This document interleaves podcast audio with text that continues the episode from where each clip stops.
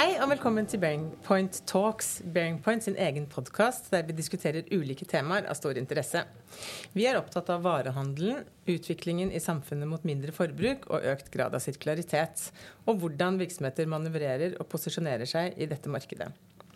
I dag skal vi jo snakke om eh, trender innen handel. Jeg heter Merete og leder bærekraft i Bearing Point i Norge. Og med i studio i dag har vi våre eksperter innen retail i Bearing Point Norge, Jon og Stig, samt Marita Sollien fra Northern Playground. Velkommen. Takk, takk. takk, takk. Vi får henvende oss til gjesten eh, først. Eh, Marita, vil du kort introdusere deg og fortelle litt om Northern Playground? Ja, absolutt. Jeg er Marita, CFO i Northern Playground. og med litt sånn utvida CFO-stilling, vil jeg si. Jeg gjør alt fra logistikk og bestilling av varer, og er også i butikken vår en dag i måneden minst. Så gjør det meste som kan gjøres og må gjøres i et eliteselskap. Northern Playground er jo et norsk klesselskap innenfor friluftslivssegmentet. Eh, vi jobber for å snu opp ned på den tradisjonelle tekstilindustrien med å ta tak i alt egentlig, og bare gjøre det motsatte. Med en ganske hårete visjon om å redusere verdens klesforbruk, som jo er et ganske paradoks med tanke på at vi gjerne vil tjene penger også. Men uh, vi er på god vei. Absolutt ikke i mål, men vi prøver. Velkommen i studio. Veldig hyggelig å ha deg her. Uh, gleder oss til å høre hvordan dere opplever ulike trender. Men eh, la oss eh, gå til eh, Jon og Stig, om dere vil presentere dere. Følger jo også tett handelsnæringen, og fortelle litt om hvilke store utviklingstrekk dere ser. Tusen takk skal du ha, Merete. Eh, mitt navn er Jon Brandsten og er partner her i Bearingpoint. Eh, jobber stort sett innenfor retail. Eh, og har selv jobbet i butikk, eh, riktignok mange år siden, eh, og, og, følger den næringen veldig veldig tett. Eh, og, og, deltar på ulike events og, og har fulgt liksom, trender nå over flere år. Det blir eh, spennende å prate om dette her mer i dag. Stig? Yes, jeg heter Stig Hansen og jeg er leder for uh, bransjeteamet innenfor varehandel i Burning Point Norge. Jeg har også jobbet uh, i varehandel siden jeg var 19 år og begynte uh, som butikksjef. Uh, og har utelukkende jobba med, med, varehandel også gjennom hele karrieren min, egentlig. så man kan jo trygt si at varehandel er et område jeg brenner for. Så vi er jo, som, som tema her tilsier, veldig opptatt av å holde oss oppdatert på hva som skjer av trender, og ikke minst dele våre meninger. Så jeg gleder meg. Ja, En av de store utviklingstendensene omtalt på årets NRF-konferanse er neste generasjons handel. Eh, skifte fra omnikanal til unified commerce, og hvordan butikker igjen spiller en viktig rolle i handelen. Um, vil Jon Stig, en av dere, fortelle litt om, uh, om, dette? Hva er det som kjennetegner de virksomhetene som, som lykkes uh, i denne utviklingen? Jeg kan jo kjapt uh, starte med å si litt om uh, den ene trenden som, uh, som, kanskje var den største på NRF i år, og det er jo rollen til den fysiske butikken. man kalte vel trenden for 'Store strikes back from transaction to emotion'. Og det sier jo litt om hva, hva som ligger i det også. Så butikkene de, de seiler igjen opp eh, etter en lengre periode med, med, veldig stort fokus på netthandel. Og man ser jo at aktørene har bygd eh, eller brukt masse, masse, tid og ressurser på å bygge netthandelskapabiliteter. Og man kommer ut av en pandemi hvor uh, den fysiske butikkens rolle har skifta helt. Uh, men uh, nå ser man også at en dreining tilbake til at den fysiske butikken har en helt spesiell rolle, spesielt i det å skape enestående kundeopplevelser og, og vekst. Så det er kanskje den største trenden for, for årets NRF, vil jeg si. Jeg skal bare følge litt opp på det, fordi eh, det endrer også litt hvordan man behandler butikken i denne kundereisen. Altså, butikken har jo tidligere vært et sted hvor du skal tjene penger. Altså, det har liksom vært butikkens funksjon, og det, og ser vi et skifte bort ifra nå. hvor eh, Butikken skal jo egentlig bare være et ledd av denne kundereisen i det å skape gode opplevelser, og at man da får andre måter da, å måle suksess på en butikk eh, enn i bare kroner og øre. Og det er nok en, en, stor endring jeg tror vi kommer til å se eh, framover også. Mm. Marita, hvordan opplever dere dette? Eh, skifte fra online til butikk, og, og, hvordan det blir mer sammenflettet?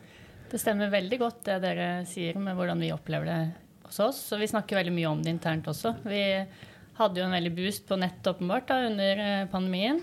Åpna også butikk under pandemien, da, som man kan jo diskutere hvor smart det var, men det har nå gått bra likevel. Um, og vi ser at det er butikken som har vekst. Nett er veldig sånn stabilt på det samme som det var i fjor også, men det er butikken vi, vi tar veksten. Uh, og vi er jo ganske gode på nett, syns vi selv. Eller det er i hvert fall der vi har gjort mest de siste årene. Men nå er vi da mer fokus på å bygge opp butikken også, sånn at det i større grad speiler det vi har digitalt. da, For å gi en god kjøpsopplevelse, og at du skal ha det samme begge steder. Men også at vi kan yte noe ekstra i butikken som vi ikke kan på nett. Som selvfølgelig er det fysiske aspektet. da med å møte oss, ha samtaler, gi dem en opplevelse, en tillit. Ja, Stig, vil du fortelle litt om the age factor? Det kan jeg gjøre. Det er egentlig en trend som jeg føler at henger litt sammen med den forrige trenden som vi snakka om. Fordi uh, Vi snakka om det å skape kundeopplevelser i butikk. Uh, altså The age factor er jo den der human factor-biten av det. Den menneskelige biten. Uh, og Eh, det handler jo om å, å skape, eh, skape, personaliserte kundeopplevelser, ikke sant. Eh, og det å, det å, bruke de som jobber i butikkens tid, eh, til å fokusere på kunden. Altså nå, jeg nevnte jo også det at når man har brukt eh, masse tid og ressurser på Eh, både bygge netthandelskapasiteter, men også sant, implementere ny teknologi. Og nå handler det liksom om å bruke den teknologien til å frigjøre tid for de ansatte i butikk til å fokusere på kunden. Uh, og Man ser jo liksom det der kundemøtet og hvordan man, uh, man, behandler kunden når den kommer inn i butikk, uh, på et veldig mye mer personlig plan. Det er noe som man fokuserer på, og noe som kunden sjøl også sier at det er viktig, viktig for den enkelte. Hvordan jobber dere med å skape opplevelser, Marita? Vi er i hvert fall veldig opptatt av det. Og motivasjonen for å åpne butikken vår i 2020 var å lage et samlingssted for community vår. Så det har jo vært fundamentet hele veien. Eh, vi vil gjerne at butikken vår skal være en destinasjon, at du kan komme dit og få, få noe mer. Ja, både læring spesielt, kanskje, og mye da på miljø og hvordan du kan ta vare på plagene dine. Hvordan du kan forene ditt liv med vår visjon om å bruke mindre. Uh, vi er på utkikk etter ny butikk som vi skal åpne neste år opp i. Og da er det jo å klare oss å putte så mye av de her ideene våre som mulig inn i det lokalet vi da vil havne i etter hvert. Uh, med reparasjon, at du kan komme dit og reparere sammen med oss. Jeg inviterte sist jeg var i butikken på, til, for, til, at kundene våre kunne komme og ta med seg en T-skjorte og så sitte og reparere sammen med meg. Det var ingen som kom, da kanskje jeg var litt dårlig på innsalget. Men uh, det er fortsatt mulig. Uh, opplysninger om CO2-utslipp, altså hvordan du kan redusere forbruk, ikke bare på klær, men andre ting også. Og at det kan være et sånn hangout-sted med andre kunder hos oss, er jo det vi gjerne vil. Vi har også bygd opp butikken vår i dag sånn at vi må være i kontakt med alle kundene som kommer inn. Det er ikke mulig å bare betjene seg selv. Og det er bevisst da, fra vår side, fordi vi mener at du får et helt annet inntrykk og en annen service hvis vi faktisk er i kontakt med deg. Jeg kan bare legge til at uh, En annen ting som vi ser, da, er jo at, uh, at uh, mange aktører åpner butikker uten et mål om å tjene en eneste krone på butikkene. Det er rett og slett bare den der opplevelsen og den ja, den følelsen du skal gi kunden. Uh, kaller kanskje de, de, butikkansatte for experience makers istedenfor uh, associates. Uh, man, man eh, legger masse tid og energi f.eks. i å ta kunden til prøverommet. Noen aktører har liksom skilt på prøverommet hvor de skriver navnet til kunden. rett og slett for at de skal på en måte føle at det er, liksom, det er deg og ingen andre som vi, vi jobber for og med i dag. Men jeg synes også det er interessant, Marita, du omtaler kundene som communityen. Fortell om det. Hva, hva, legger dere i community? Ja, Det er et godt og interessant spørsmål som vi jobber med å finne ut selv innimellom også. Men eh, det er i hvert fall alle som deler verdiene våre. Visjonen, aktivitet, eh, miljø, friluftsliv. Like å leke eh, samtidig som du ønsker å ta vare på planeten. Sånn veldig kort fortalt. Så det er jo de som er mer aktive enn de som bare kjøper et produkt. men ønsker å stå sammen med oss da, i, i, jobben vi har med å få folk til å forstå at vi, det eneste vi kan gjøre for miljøet, er å bruke mindre. Kjøpe mindre. Bruke det du har, lenge. Samhold. Ja. ja. Det er veldig bra, veldig interessant. Ellers så var det jo også uh, snakk om på, på konferansen uh, og, og, generelt i markedet hvordan uh, det er økende trend i bruk av de digitale opplevelsene for å styrke kundeopplevelsen. Um, vil dere gi noen eksempler på, på hvordan eh, aktører jobber her? Ja, dette handler jo egentlig om å si, prøve å viske ut litt sånn grensene mellom, eh, mellom den fysiske butikken og, og netthandelen. Og det, jeg vet ikke om jeg har noen sånn veldig gode eksempler på de som har klart å knekke kodene ennå, men det er gjort mange gode forsøk. Vi hadde jo f.eks. Alibaba for noen år siden tror jeg sendte ut eh, syv millioner sånne små pappkartonger som du kunne putte telefonen din inn sånn at det ble som en VR-brille. Eh, som de brukte for å, å, på en måte ta deg med rundt i butikker eh, eh ulike steder i verden, faktisk. Eh, for å liksom skape opplevelse, selv om du fortsatt satt hjemme. Da. Så det er jo et eksempel på, på, hvordan man har gjort forsøk på liksom, å dra, eh, dra liksom den, det digitale da, inn, i, inn, i, stuen, egentlig hjemme hos deg selv, og, og også inn i, i, selve butikken. Bruker dere i Northern Playground elementer av, av dette? Det gjør vi absolutt ikke. Vi er vel heller på motsatt side. At vi ønsker å ha så lite digitalt som mulig i den fysiske butikken, nettopp for å få det personlige, og at du skal oppleve noe annet der. Da. Få et pusterom, kanskje, fra alt det digitale som du får på deg hver eneste dag, hele dagen. Jeg kan, jeg kan, bare legge til at det som vi ser som en trend også, det er jo at eh, Du var jo kort inne på det i stad, Stig. Dette med å ta i bruk teknologi som frigjør de ansattes tid i butikk. Sånn at de ansatte kan bruke den tiden til å konsentrere seg om kunden og gi kunden gode opplevelser. Da. Eh, og der ser vi jo en del teknologi som, som er i bruk, eh, f.eks. RFID-teknologi. Eh, både for å gjøre varetelling, alle den type aktiviteter, men også det når du kommer til kassepunktet. At du har en RFID-plate som leser, hvor du kan legge alle plaggene bare rett oppå den. Og det skannes rett inn på kassa, da, så du behøver ikke å, å stå og skanne strekkode på x antall plagg, som egentlig ofte tar mye tid. Da. Ja, ellers er jo et annet eh, stort tema eh, både innen varehandelen og i samfunnet generelt eh, bærekraft. Og hvordan vi konsumenter og hvordan virksomheter jobber med dette.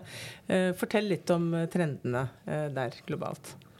Det har jo vært en trend som har vært over ganske lang tid. Jeg husker begrepet recommerce kom vel opp på NRF-konferansen det må ha vært tilbake i 2018, tenker jeg. Eh, Patagonia var liksom en av de store foregangsbrandsene, da, eller merkene, som, som, snakket om dette her. Eh, hvor de hadde egne kles, jeg hadde en kleslinje som het Beyond Repair. Eh, hvor de på en måte satt sammen Hvis de fikk inn fem ulike plagg, så kunne de som ikke var mulig å reparere, så kunne de ta disse og sette kanskje sammen til ett plagg. Da, så har du i hvert fall fått liksom, god bruk for, for dette her videre. Eh, og det er en trend som bare har fortsatt og fortsatt, eh, og som de også snakker mye om på, eh, på NRF. Og det ser man jo egentlig alle tall på også, at dette med, med å ta varer tilbake for å kunne enten reparere de, eller å selge de, eller at du har ulike byttemekanismer hvor du kan levere inn noe og få muligheten da til å kunne kjøpe noe annet brukt eller nytt. Da. Mm. Men jeg syns samtidig det er litt interessant å se hvordan dette er et uh, utrolig viktig tema i samfunnet. Uh, og på en måte kappløpet frem mot 2030 og fremtiden. Uh, samtidig som jo undersøkelser viser at konsumentene ikke nødvendigvis er på en måte villige til å betale mer, eller, eller har noe sterk preferanse på det. da. Um, vil, vil, du snakke, Stig, om de tendensene vi ser i, i Norge? Uh, ja, altså jeg føler at det har vært litt sånn opp og ned, egentlig. Eh, for uh, tidligere så har man jo sett uh, det motsatte også. At uh, forbrukerne faktisk er villige til å vente lenger på en ordre for at den skal komme fram til deg på en litt grønnere måte, eller at du, at du faktisk sjekker spesifikasjonene på et produkt en ekstra gang for å se den der footprint-dimensjonen. så jeg har for så vidt et inntrykk av at Eh, at eh, norske forbrukere er, er, bevisst på det her. Eh, det vil jeg jo si.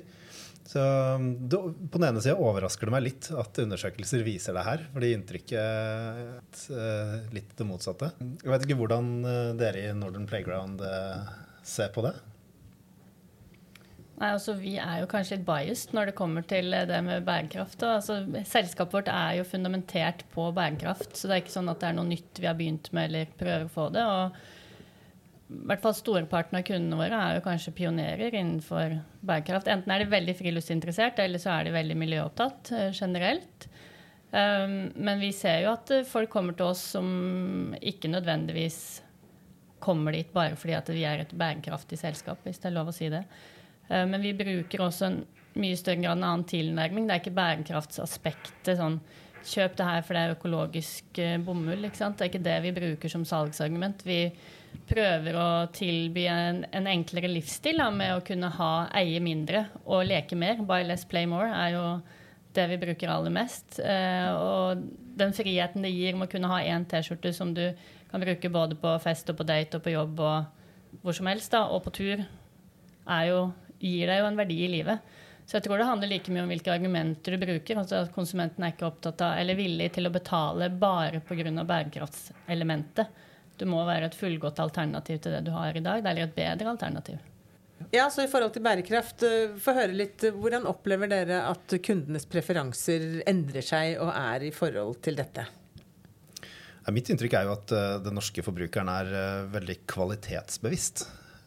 Og jeg tenker jo når du, eh, når du, tenker på kvalitet, så er det jo produkter som skal vare, som, skal, som du skal kunne ha lenge eh, og ha glede av lenge. Eh, og det, det ligger jo noe bærekraftig i det i seg sjøl også, å ha et produkt lenge istedenfor å bytte ut produktet annethvert år. Det vil jeg jo sikkert tro at det er noe som dere i Northern Playground også kan kjenne dere igjen i. Ja, Det ligger ikke bare noe bærekraft i det. Det er fundamentet i bærekraft. Det hjelper ikke med litt bedre materialer. Du må bruke mindre. Så det er veldig spot on. Og det er jo det som er kjernen hos oss, at det skal være kvalitet som skal vare, og så du kan bruke det lenge. Og så må du reparere det når det er gått hull på det, så skal du bruke det enda lengre. Så kan du resirkulere til slutt. da. Så det er spot on, og det ser vi at treffer veldig godt. Vi snakker mye om pris per bruk. Eh, CO2-utslipp per bruk den type ting. Vi har også nå et yttertøysprosjekt som skal være det siste yttertøyet du trenger å ha. For det er skrudd sammen sånn at alle slitedeler enkelt skal kunne byttes ut og repareres. Da. Det treffer. Alt det her smelter jo egentlig litt sammen med de trendene vi har snakka om uh, hittil. Og uh, jeg føler at det gjør det i form av at det, er snakk om, det snakk om det med historien og sjela i produktet. altså at du skal vite hva du kjøper, og du kjøper liksom ikke Vi nevnte det fra transaksjon til emosjon i stad i forhold til det med butikker. Um, og at uh, forbrukerne er opptatt av at, de en, at det er en historie bak det de, de kjøper. Og det ser vi også uh, ute blant våre kunder, at uh, det med sporbarhet, eller traceability, er en ting som, som man har fokus på. Ja, og det ser man jo spesielt på, på det med at man skal begynne å, å liksom ta produkter inn og selge de. Eh, fordi at en del av disse produktene, i hvert fall hos en, en, del av produsentene som skal vare lenge, er jo kostbare produkter også. Eh, og Derfor så er det jo dessverre sånn at de blir jo kopiert. Eh, så én ting er jo liksom sporbarhet ut ifra hvor ting kommer fra, men også sporbarhet i produktet for at du skal vite at det er et ekte produkt som blir levert inn, og som blir prissatt, eh, og, og som skal selges ut igjen. Da. Men Fortell litt om bakgrunnen. Hva er det som gjør at eh, denne sporbarheten blir viktigere og viktigere fremover? Det, det, tror jeg det er to dimensjoner. Det ene er på en måte sporbarhet av hele verdikjeden din. Altså hvor kommer produktet fra? Eh, og på en måte f.eks. hva er CO2-avtrykket, eller andre dimensjoner innenfor bærekraft på på hvor det kommer fra. Og det andre er jo at man, man, skal være sikre på at det produktet man kjøper, er ekte, og at det er, eh, at det, er det det utgir seg for å være. Da. Vi, vi har eh, et ganske sånn stort retail-team i, eh, i, Frankrike som jobber mye med, med de franske motehusene, som, som f.eks. selger en væske som jo i utgangspunktet er veldig dyr. Den blir piratkopiert i i, i, store tall. Eh, og hvis du skal kunne gå inn i en butikk og levere inn den vesken, og at den butikken skal kunne kjøpe den tilbake, så blir sporbarhet ekstremt viktig for å, for å sikre at det er eh, ekte vare som de tar imot og, og skal selge ut igjen. Da. Så det er viktig både for, for, at historien rundt det skal være autentisk, men også for ditt eget brand. Da. At du skal være troverdig i markedet og vise at du, at du bryr deg, og at du, eh, at du faktisk leverer varene. Og her står det også digitale produktpass eh, på agendaen fremover. Det blir eh, veldig spennende. Marita, få høre hvordan dere i Northern Playground eh, jobber med dette, eller hva dere tenker rundt det? Vi er i hvert fall veldig opptatt av åpenhet i alle ledd, har vært det hele tiden. Ikke bare på produsenter, men alt vi gjør på markedsføring og hva vi tjener og hvordan vi legger det opp. Så produktpass og sporbarhet, det heier vi åpenbart på. Eh, vi, er, eh, vi, har mye av den informasjonen allerede på nettsidene, men vi har ikke et produktpass. Vi er ikke noe langt på akkurat det per i dag. Der tenker jeg også at vi skal ta i bruk det som andre litt større aktører går i bresjen for. Det vi ser at kan være vanskelig, er faktisk å få informasjonen fra kjeden bakover. Eh, neste ledd er greit, men så vi har allerede møtt på flere leverandører som ikke vil si hvor stoffet kommer fra, f.eks. For fordi at de anser det som et konkurransefortrinn. da. Uh, og så er det klart at når vi er såpass små som vi er og sier ja, men da kan vi ikke produsere hos dere, sier de ok, det er greit for oss. Da får dere bare finne noen andre. Så det blir spennende. Men det er klart etter hvert som det kommer uh, de samme reguleringene i Europa også, at det blir innført der på samme måte, så vil det jo løse seg etter hvert. da. Men det er nok en liten vei å gå. Men vi syns jo det er ekstremt mye spennende som ligger i det her produktpasset eller personalisering av plagget. Og vi drømmer oss bort i en verden hvor det er mulig å tracke alt som produkter, altså frivillig da, åpenbart, men når du har, med, har med jakka di på tur, så kan du ta et bilde av at den har vært på Snøhetta eller i Østmarka på tur, og så fikk du et hull på vei ned igjen fordi du hang fast i en grein, og så kan du sjekke i produktpasset at du har reparert den hos Northern Playground etterpå. da. Så får du hele historien når, når jakka da skal gå i arv til neste generasjon, så kan da barna dine se ja, pappa var der, liksom. Det er fett. Så der drømmer vi oss bort i flere timer hvis vi får lov til det, med alle muligheter som ligger der da, for å personalisere og gi, gi det et liv. Se på det som servicehefte til en bil, da, som kanskje er det som er mest nærliggende, det vi kjenner i dag. Ja, veldig altså det, det kan vi ta en annen podkast om. Alle muligheter som ligger der. Absolutt. Og dette er jo ikke et tema som eh, går bort eh, veldig fort. Jeg tror nok det kommer til å bli mye snakk om de digitale produktpassene fremover. Ehm, noen avsluttende refleksjoner knyttet til, eh, til det? Fra, fra, deres side? Jan? Jeg tror, eh, jeg tror, Marita er inne på noe som er veldig viktig. og Det er at det, det er noen store aktører i bransjen som må gå litt foran, tror jeg. Som, som, er de store som kan si at vet du hva, da vil vi ikke kjøpe fra dere. Eh, og at det da faktisk betyr noe. Og at ikke det bare er de små som skal lete, lede an den, den trenden. da. Ja, og vi følger markedet og kommer eh, definitivt til å komme tilbake både i podkast og andre events eh, for å se på og snakke mer om både digitale produktpass og andre trender innen handel, bærekraft og det som varmer våre hjerter mest. Tusen takk for at dere kunne komme i dag, og takk for eh, lytting. Tusen takk for oss. Tusen takk, Tusen takk for, for at du fikk komme.